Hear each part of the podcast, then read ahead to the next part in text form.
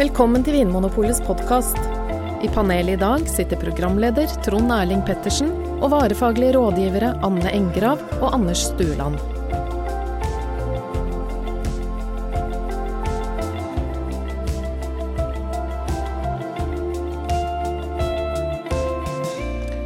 Velkommen til Vinmonopolets podkast. Med meg i studio har jeg som vanlig Anders og Anne. Og i dag, folkens, har vi med en gjest. Yay! Ja! En, en ekte lys, levende gjest. Eh, Sara Frimannslund, som jobber med Vinmonopolet sine auksjoner. Og det er det vi skal snakke om i dag, folkens.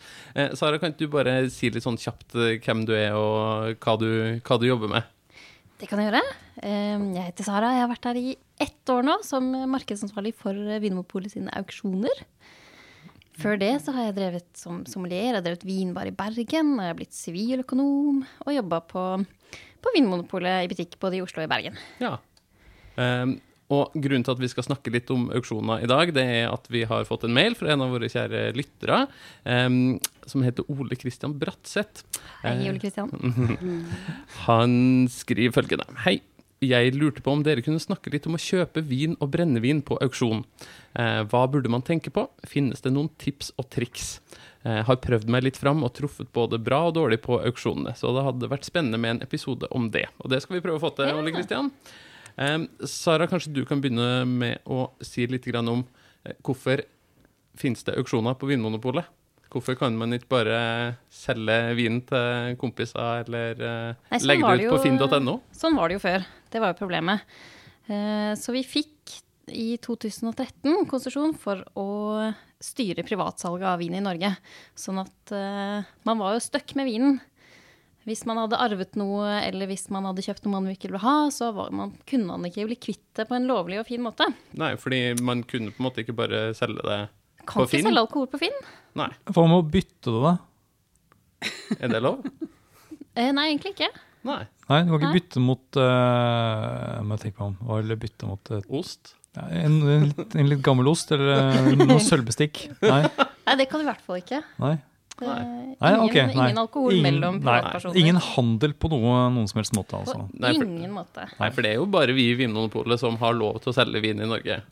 Jeg er om i bar, da. Ja, på restaurant. Ja, ja, men flasker med Flasker, kork da i. må det Ja. enten i butikk eller til meg. Ja. ja. Men begynte, altså den første auksjonen, var det da i 2013, eller? Ja. Ja. Det var eh, september 2013, eller november, litt usikker. Så det høsten. er altså da fem år siden. Ja, vi har hatt eh, 23 auksjoner siden den gang. Jeg husker den første. Det var veldig spennende, og det er det jo ennå. Ja, Ja, fordi da var det, husker jeg, da, nå var ikke jeg der eh, selv, men da var det folk i salen, og um, som hender opp, og jeg vet ikke hva de gjør, det er sånn hemmelig tegn. Eh, sånn mann med mørkt hår, mann, dame med store øyebryn. 500 kroner. Solgt til mann i I snekkerbukse. I snekkerbukse og kravatt. Eh, men sånn er det ikke lenger. Vi har, ikke, Eh, vi har ingen, vi har ingen, hva kaller man det? Det er ingen fysisk auksjon lenger. Eller altså, hva, hva er det riktige ordet for auksjon som, hvor det er folk? jeg kaller det fysisk. Fysisk? Fysisk og nettauksjon. Ja.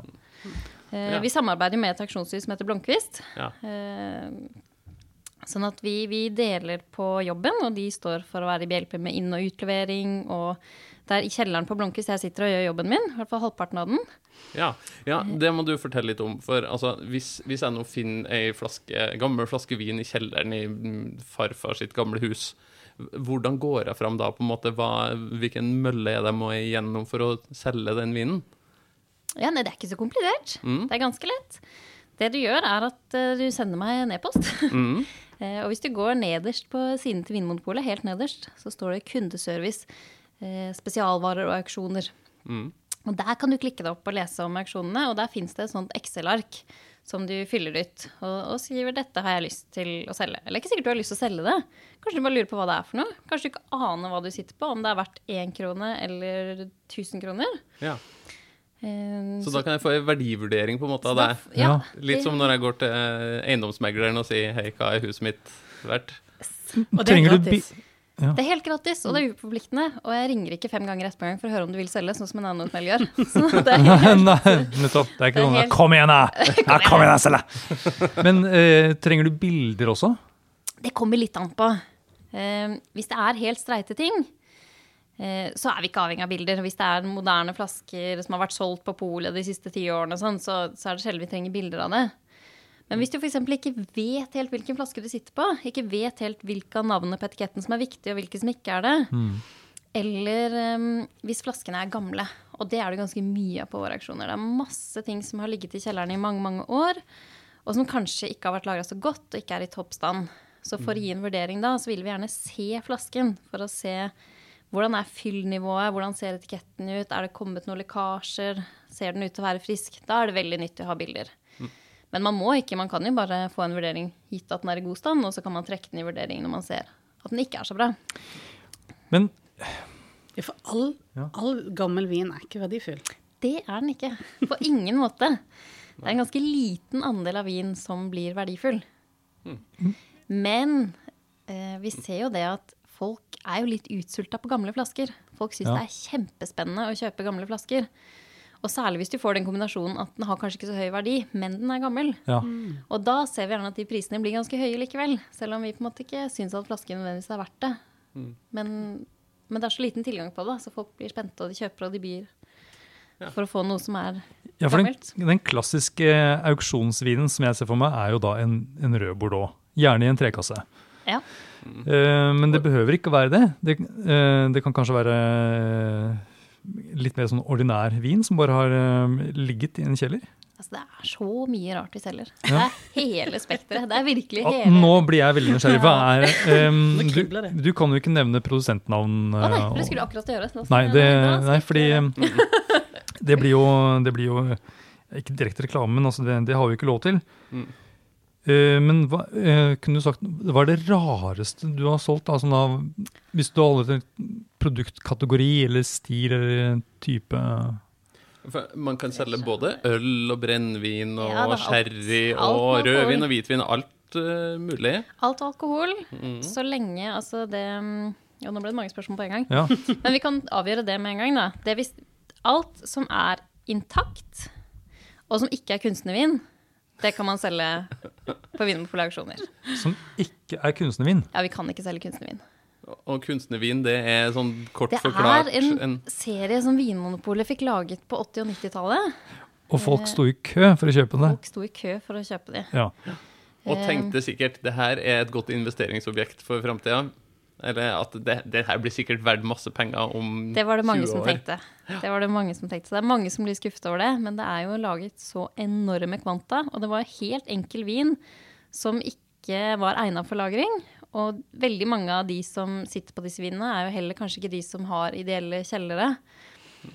Eh, Og det er så store mengder at skulle vi solgt det, så hadde vi ikke hatt plass til noen annen på auksjonene. Det kommer tilbud hver uke med folk som vil selge kunstnervin. Og det har det gjort siden vi åpna i 2013. Så det er ikke det at det er forbudt å selge kunstnervin, det er bare at det er ikke så interessant som et eh, auksjonsobjekt. Nei, mest sannsynlig så er det ødelagt, og det er så mye. Og så Enten må man si ja til alle eller ingen. Mm. Så da har vi liksom lagt oss på den policyen at det Ja. Så Det til deg der hjemme som har noen sånne flasker fra 80-90-tallet med kunstferdig etikett, og eh, det står 'tappa av Vinmonopolet' på, på hasle, så er det sannsynligvis ikke eh, Da kan man drikke det selv. ja. Ja, for det går jo an. Det går også å samle noen venner og så ha et lite sånn kort foredrag om, eh, om kunstneren. Mm. Eh, finnes, vi har jo til og med laget en bok Ja. Om kunstnerne. ja, om kunstnervinene. Den står oppe i biblioteket vårt. Og den fins vel rundt omkring i norske bibliotek, kanskje. Hvor du kan se bilder av alle etikettene, og så står det litt om hver vin. Mm. Og det er jo ikke forbudt å gi vekk vin. Ikke forbudt. Så lenge den ikke er mindreårig. Ja, det er. Men det er altså både billige og dyre viner som selges gjennom auksjonene våre? på Det er, måte? det er alt mulig. Men det er jo en absolutt overvekt av litt det som Anders snakka om. Det er eh, gammel Bordeaux som vi selger absolutt mest, i tillegg til Burgund. Så det er mest klassisk vin, og det er mest dyr vin. Snittprisen ligger vel på rundt Det varierer litt fra auksjon til auksjon, men mellom 1000 og 2000 kroner per flaske. Ja. Hva er, Og rekorden? ja, hva er Eh, liksom 115 000 for en, eh, for en, eh, en 075. For en vanlig 150. flaske. en vanlig flaske? 135 000 for en Magnum. Var det en gammel Bordeaux? En gammel Nei, det var en Burgund? en eller? fersk burgund. Ja, ok, så det var litt mer sånn samleobjekt som, eh, av den typen man må ligge ute i kø i ukevis i minusgrader for å få tak i. 115 000, Mm. og den var ikke gammel engang. Nei. Så er det en vin du tenker kommer til å dukke opp igjen på auksjonen om noen år? Kanskje ikke i Norge, Nei. Um, men en del Jeg tror nok det meste av det vi selger, blir uh, kjøpt for å konsumeres. I hvert fall når det går til så høye priser, så er det på en måte ikke så stor gevinst for å selge videre. Men det er klart, det kan godt hende om 40 år at denne vinen har vært veldig veldig mye mer, at den blir solgt videre. Ja. Tviler på den kommer tilbake til meg. Nei. Det tror jeg ikke. En fascinerende verden. Ja, Ja. det er det. Hva, husker du liksom eh, bunnpunktet, eller hva er den rimeligste vinen som har blitt solgt på auksjoner? Er det liksom 100 kroner, eller er det 500, eller Ja, nei, 100 har vi vært uh, solgt en flaske likør nå til 100 kroner, 125 kroner på forrige auksjon. Ja. 25 kroner. Så det er, 125. Ja, vi må ha alkoholavgiften, så vi kan ikke ha noe til under 100. men det er ikke det heftigste miljøet, kanskje? Likørmiljøet. Det er ikke så Nei, vi- nei, mange vi selger ikke men, så eh, men det er jo spennende. Likører kan være spennende. Så er det litt stas når de er gamle. Vi får jo veldig mye Ja. gammelt. Ja. Altså ting som man har på pol i dag, men som, som har sånne fine 50-tallsetiketter. Ja. som er Og det er litt stilig å ha det. Det er mange som syns det er gøy. Kan nesten bare ha det som en eh, dekorasjon. Ikke sant? Ja. Mhm. Mm. -hmm. Men hvordan skal jeg da vite, hvis jeg finner gammel vinflaske i kjelleren hos eh, farfar, hvordan skal jeg vite om den er verdifull, eller om den ikke er verdt noen ting? Er det noen ord jeg kan gå etter? Er det noen Jeg ville begynt på Google. jeg. Ja. Prøvd meg der. Å Finne ut om det på en måte er en kjent produsent, et Ja, kjent se på slott i Bordeaux. til eller- Vinmonopol. Begynn å se på Vinmonopolet. Hvis du ikke finner noe der, så gjør et Google search, og så se på bildene og se om du ser noe som ligner. Mm. Um, men det er jo mange auksjonshus og mange butikker som, som setter veldig, veldig høye priser. Så man kan kanskje iblant få litt urealistiske forventninger til hva det er verdt da, når man går frem på den måten. Okay, ja. Da finner man gjerne, hvis du finner en gammel flaske f.eks., og du finner den i en eller annen nettbutikk fra et eller annet land et eller annet sted Hongkong. Hongkong, ja, for eksempel. Så har de ofte en skyhøy pris da, fordi det er gammelt og sjeldent, men så er det kanskje egentlig veldig dårlig vin. Og det som er forskjellen på Vinmonopolet og mange andre auksjonshus, er at vi er jo ikke kommersielle på den måten. Vi er jo her som en samfunnstjeneste. Eh, og det er ikke et mål for oss å tjene penger på det, og det er ikke et mål å skape et miljø for vininvestering. Nei, det er på en måte bare en slags sånn markedsplass. Hvor Ja. Kontrollert tilbud, eh, markedsplass hvor Ja. folk med gamle flasker kan komme med vinen sin og selge den til folk som er interessert i Ja. flaskene. Så vi skal ikke på en måte Vi skal ikke underprise oss i forhold til markedet. Vi skal jo gi selgeren en reell mulighet til å selge i Norge istedenfor et annet sted. Men vi er ikke med å liksom hause opp og Hvis vi ser at den har vært solgt dyrt en gang ett sted, så bruker vi det som utgangspunkt. på en måte. Det gjør vi ikke. Vi Nei. prøver å tone det litt med å ta utgangspunkt i hva kosta denne vinen da den kom til Norge. Mm. Ja. Hva, hva er innholdet i flasken? Det er på en måte Så mer det, avgjørende. det blir på en måte din jobb, da, å eh, få inn alle de her tilbudene og spørsmålene fra folk som har flasker hjemme, og så mm. gjøre en vurdering av eh, hvordan tror du innholdet har holdt seg. Er det en produsent, en type vin som, som eh, erfaringsmessig eh, gir eh, sånn og sånn priser på auksjon, og så måtte jeg finne en riktig pris og en riktig verdivurdering. Mm. Og da var du inne på at du sitter ned i en kjeller og jobber. Hva er det du gjør da når du sitter ned i, i kjelleren? Ja, når de har gitt ut vurderingen og, og selgeren har sagt at ja, dette vil jeg selge, så lager jeg en kvittering til Blankvist som gjør at de kan komme og levere den. Eh, Men alle flaskene må jo gjennom en prosess. De må jo sjekkes for at de er ekte, de må sjekkes at de er i god stand, og de må pakkes i objekter og settes i hyller. Og, og dette må vi gjøre da på, på korrekt temperatur, så vi ikke ødelegger disse dyre, flotte flaskene. Mm, så da kler du godt på deg, og så går du ned i kjelleren. Jeg sitter med vintersko og blåkledebukse over stillongsen min, og fleecejakke og Og lupe, ser jeg for meg. Eller? Ja, det har et digitalt mikroskop. Oi. Et portabelt digitalt mikroskop. Wow, det er Yes. så Og noen looper. Men den er veldig kule. Og hva er temperaturen i denne kjelleren der du sitter? 12,8. 12,8. Sånn cirka. Sånn cirka. Ja, Det er, eh, ja, det jeg er jo interessant. Jeg er jo verneombud for deg. dette, dette skal vi Nei, det faktisk høres ut som dere skal ta en prat etterpå. Men eh, det er jo litt interessant at du kan se på flaskene, du kan eh, studere og gjøre dine notater, men du kan jo aldri smake på vinen. Aldri smake. Nei! Så du må, si, du må på en måte gjøre en kvalifisert vurdering av om innholdet i flaska er verdt eh, 100 eller 1000 eller 10 000 eller 100 000 kroner, men du kan ikke smake på vinen. Det er for så vidt ikke helt som han teller, for det hender vi smaker. ja. Ehm, vi prøver jo å gjøre en så god kvalitetssjekk av kjellerne, av selgerne og kjellerne som vi kan. Men, men det er klart, vi kan jo ikke sjekke alle, og det er jo ikke Men hvis vi får en kjeller av en selger som vi ikke aner hvem er, som vi ikke kjenner til, som på en måte er i nærområdene, så, så drar vi ut og, og sjekker. Og noen ganger så har jo folk en kjeller eller arve som de ikke vet helt hvordan det har vært oppbevart og hvordan det har vært. Så da hender det at vi kjøper ut da en, en flaske og prøver. Ja. Eh, Så vi, da, det hender at vi smaker. Men Mm. eh, ja. Men da er det gjerne hvis det er en eh, da er det ofte ikke de beste da- tingene vi får smake heller. Nei, kanskje Nei. ikke. Men, og da krever det kanskje at det, man har da tolv flasker av den samme vinen, for det er jo ikke noe Ja. poeng å smake Du kan ikke putte korken tilbake og så selge resten. Ja, for når du sier kjellere, så ser jeg for meg at det er liksom en hel haug med sånne svære grotter rundt som blir stappfulle av av vin. Er det mange som sitter på store samlinger rundt omkring i Norge? Ja, det er det. Det Og det er, jeg har kommet over noen sånne gullkjellere hvor noen har ringt meg og sagt jeg vet ikke helt hva jeg har, kan du komme og se? Jeg har kanskje én eller to flasker som jeg kjenner til som jeg vet liksom er bra. Eh, og fått noen helt sinnssyke overraskelser av hvor mye For da drar du ut dit. Da drar jeg ut dit. Det må være spennende. Det er så spennende. Ta med den digitale lupen, og, Og vernesko. ja, og, og så ned da i en kjeller. Ja, da kler jeg meg pent. okay. Og um, er er, er det noen spesielle områder i Norge det er som uh, hvor, hvor er det disse kjellerne er hen, da? Det er fristende å gjette på sånn Holmenkollen, Bærum Er det det? Eller er det, er det på en storgård uh, på Hamar? Det er over hele landet. Ja.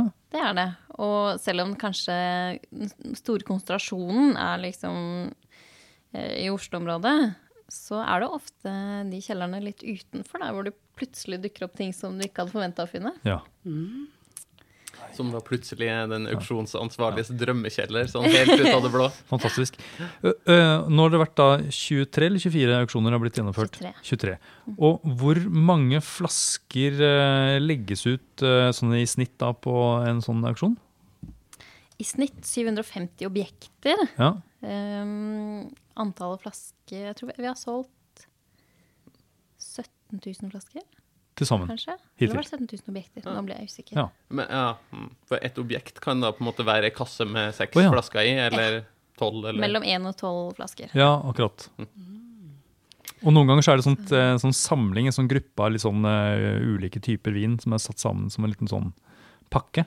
Ja. Det er også et objekt. Det er også et objekt. Sånn i auksjonssammenheng. Uh, Det, det, det du byr på, er et objekt. Ja. Eh, og, øh, øh, og, og hvis jeg da har lyst til å være med og by på dette her, eh, hvordan, hvor finner jeg det? Hva, eller, hva, hva- skal jeg gjøre for noe? Nei, er det, det er jo den delen som er outsourca, så da kan du ikke bruke vår nettbutikk, da må du bruke Blomkvist sin. Så da går du inn på blomkvist.no. Eh, og så må du gjennom en sånn liten prosess hvor du registrerer deg og sender bilde av ID-kort og sånn, sånn at vi får vertifisert hvem du er, og at du er gammel nok til å kjøpe og sånn. Og så er det bare Det er veldig enkelt å forstå Ja. hvordan man skal legge inn bud. Ja, fordi, og hvor lenge er da øh, Når er det jeg kan begynne å se på bilder av flaskene og sitte og liksom planlegge Bilder av flaskene blir alltid sluppet på en mandag. Eh, I hvert fall har det vært sånn hittil, da. Det Ja. ikke lov at det skal være sånn i all evig fremtid, men uh, sånn gangen er Ja, per sånn nå. cirka, fall. Så legger vi ut listen på vinmonopol.no før helgen. Da kan man ikke se bildene, men da kan man se en liste over alt som kommer på auksjon. Ja. Så begynner det mandag klokka ni. Da kommer bildene også? Da bildene, da, da kan man begynne å by. Ja. Og da kan man se bilder, og da kan man søke i katalogen Mm. på Blomkvist. Og så pågår det da i ti dager ca. Så onsdag og torsdag påfølgende uke. Så går Ti hammeren. dager foregår da auksjonen. Men da legger vel alle inn bud rett før det er ferdig, da? Stort sett. Ja, ja, er det, ja fordi hvordan eh, eh, Hva er det som Fordi eh, han eh, Var det hva han lytteren het? Chris, Eh, Ole Kristian Brødseth. Ole Kristian, han, Han lurte da på noen sånne triks, og det lurer jeg også på da. Skal jeg ligge og lure da som en gjedde i sivet til det er eh, et sekund igjen og legge inn Mm. et bud over? Eller på en måte, er det da noen som har lagt inn en sånn auto, finnes det en sånn autofunksjon? Alt er på autofunksjon. Så Ja. at du legger inn Men du, du, når du legger inn maksbudet ditt, eh, så kan du jo legge inn liksom neste mulige bud, men du kan også si at du vil gi 1000 kroner mer enn det, og så går det automatikk i da Og så har du et intervall på 100 kroner hver gang, da. Mm. Sånn at du betaler ikke Du kan ha lagt inn maksbud på 2000 kroner og vinne på 1500 kroner. Det kan du gjøre. Ja, det kan du ikke, for det er under minstepris, men, eh, Ja. men under vurderingen, da. Ja. Så det er vanskelig å si hva som er trikset for å vinne. Det er jo Altså, ren hvis, betalingsvilje her. Hvis det fantes et enkelt triks, så ville vel alle benytta seg av det trikset, og så er man like langt. ja. Jo. Men det vi ser litt sånn trendmessig, er at eh, på de rimeligere flaskene Hvis det er enkeltflasker av spennende ting som ikke er sånn kjempedyre, men sånn mellom 300 og 800 kroner kanskje, så, så kommer budene ofte tidlig. Ja. Da er det alltid noen som tenker det her har jeg råd til, den kan jeg kapre, og så går de inn med laveste budet. Så på de billigste så kommer det ofte en del bud helt i starten, mens på de andre tingene, og de store og dyre tingene og store kaster og sånn, så skjer det ofte mest siste minuttene. Ja. Men det er alltid så mange pålogga som sitter og følger med når det skjer, Mm. de siste minuttene, at det er vanskelig å liksom snike seg inn. Det, Da er, da er liksom eh, gærningene, eller de aller mest interesserte de, Ja. eh, Ja, og så skjer de- det jo de- når du de- da legger inn De mest sultne gjeddene ligger Ja. klar i Ja. sivet siste minutta. Og hvor mange gjedder er det i Norge som holder på med auksjon? Sånne auksjonsgjedder. Vi har vel en rundt 500-600 som legger inn bud hver gang. 500-600. Ja, mange. Ja. Det er ganske mange. Det er et, sånt, et auksjonsmiljø, rett og slett. ja. De snakker kanskje ikke så mye sammen. Ja, kanskje de har Kanskje de gjør det. Kanskje de gjør det. Har sånne, Ja. ja. det tror jeg nok. Og, og, Fins nok noen hemmelige Facebook-grupper, ser jeg for meg. For, eh, og så ser jeg for meg at det er uh, stort sett sånne um, mannegjedder. Litt hundegjedder i, eh, Det er helt riktig. Det er det, ja. Ja, det er helt Ja. riktig. Det er nesten ikke kvinner som kjøper på auksjon. Og Det er hvor, hvorfor det? Hva Det er, er flaut. hva er grunnen til Anne, det? Anne, her må du på jobb. Jeg tror jeg må ut og by.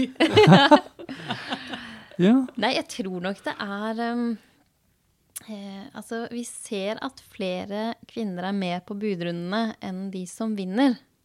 Så jeg tror det har noe med at vi er kanskje litt mer risikoaverse. Vi er kanskje litt mindre opptatt av, av det der prestisjejaget og gir oss når vi syns at det er blitt for dyrt, istedenfor å skulle vinne. Mm. Det er ikke så viktig å klå naboen eller erkerivalen eller bestekompisen, liksom. Nei, jeg tror kanskje det er noe der. Og så ser vi jo Vi gjorde en undersøkelse nå for å se hvor mange som kjente til auksjoner. Og vi ser jo også at kjennskapen der ute er eh, mindre blant kvinner enn blant menn. Så jeg håper jo at nå det kommer det på podkast, så, så vet alle norske kvinner at uh, her kan man uh, Gjøre et kupp. gjøre kupp. Ja. Og, og apropos gjøre et kupp, nå har jo Ole Kristian, lytteren vår, sendt inn spørsmål. Liksom, Fins det noen triks? Hvordan kan jeg treffe bedre på auksjonene?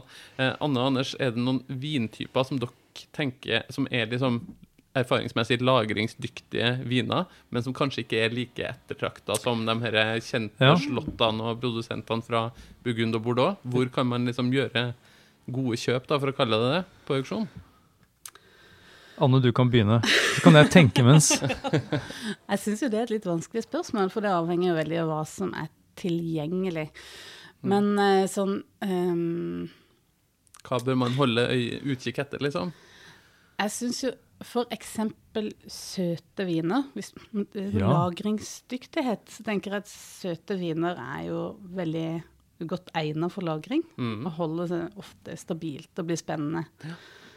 Champagne også, men det er kanskje ikke så billig.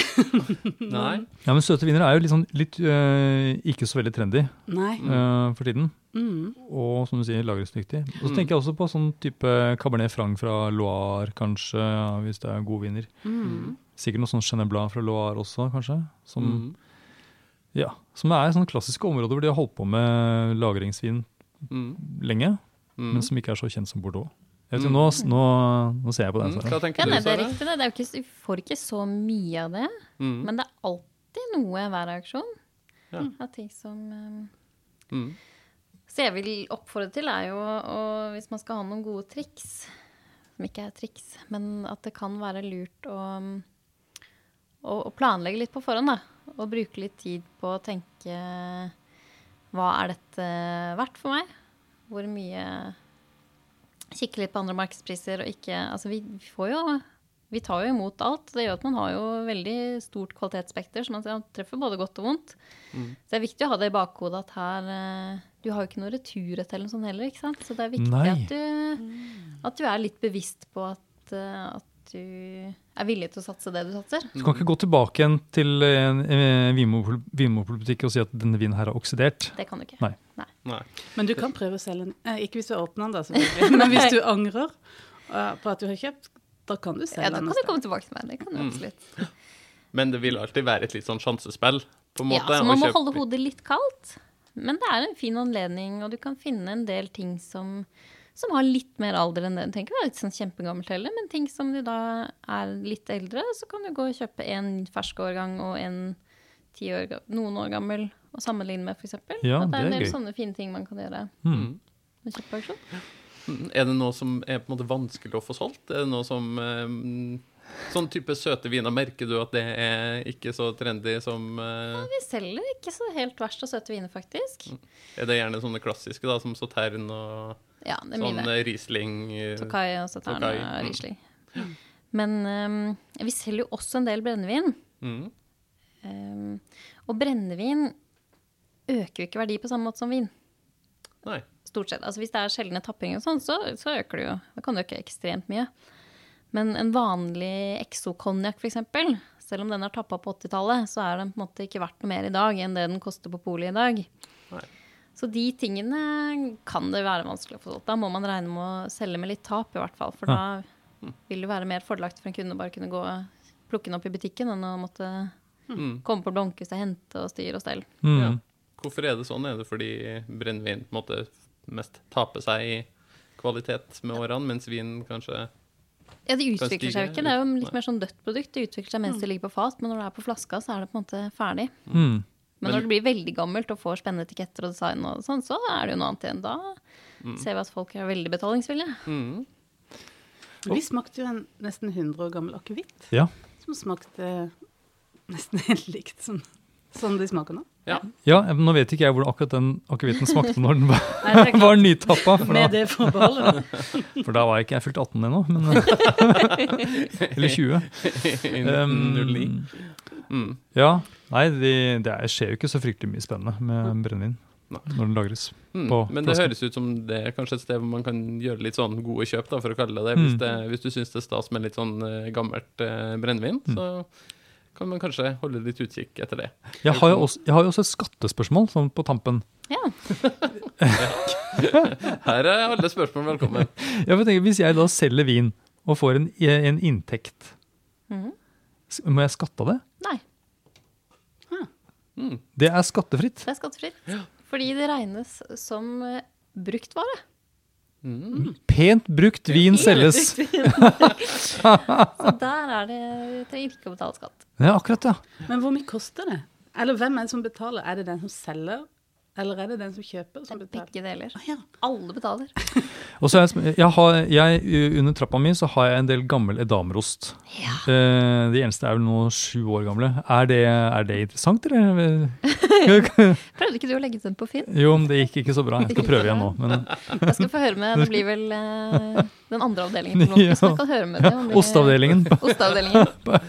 Det er mange på Blomkhuset som er glad i ost. Så skal ikke se bort fra at du får en god verdivurdering på den. Pent brukt ost selges. Skattefri. Ja, så flott. Da tror og håper jeg at vi har i hvert fall klart å svare litt på Ole Kristians eh, spørsmål, selv om vi ikke har noe sånn hemmelig triks å gi bort, for da hadde vel gjeddene kasta seg over det samme trikset, og da er man like langt. Men sånn kort oppsummert så er det da fint mulig å kjøpe og selge vin på auksjon i Norge gjennom Vinmonopolet sine auksjoner. Det er bare å gå inn på nettsidene våre og ta kontakt med Sara hvis man lurer på om det man har i kjelleren er verdt noen ting hvis det er kunstnervin, så kan vi vel si allerede nå at eh, det ikke, ikke er verdt forsøket. Og så var det fint å få litt eh, tips fra dere, Anders, til til litt sånn undervurderte viner, kanskje, som tåler lagring, og som man kan se etter på auksjon med søte viner og Cabernet Franc fra Loire og, og sånne ting. Tusen takk for at du kom i studio, Sara. Tusen takk for meg. Eh, og til alle dere som hører på, eh, enten dere er nysgjerrig på auksjoner eller eh, hva det måtte være av det Vinmonopolet driver med, så send inn spørsmål til oss på podkast.vinmonopolet.no, så skal vi svare så godt vi kan. Takk for at du hører på Vinmonopolets podkast. Har du forslag til et tema i podkasten? Send mail til podkast at vinmonopolet.no. I tillegg svarer kundesenteret deg på e-post, chat og telefon.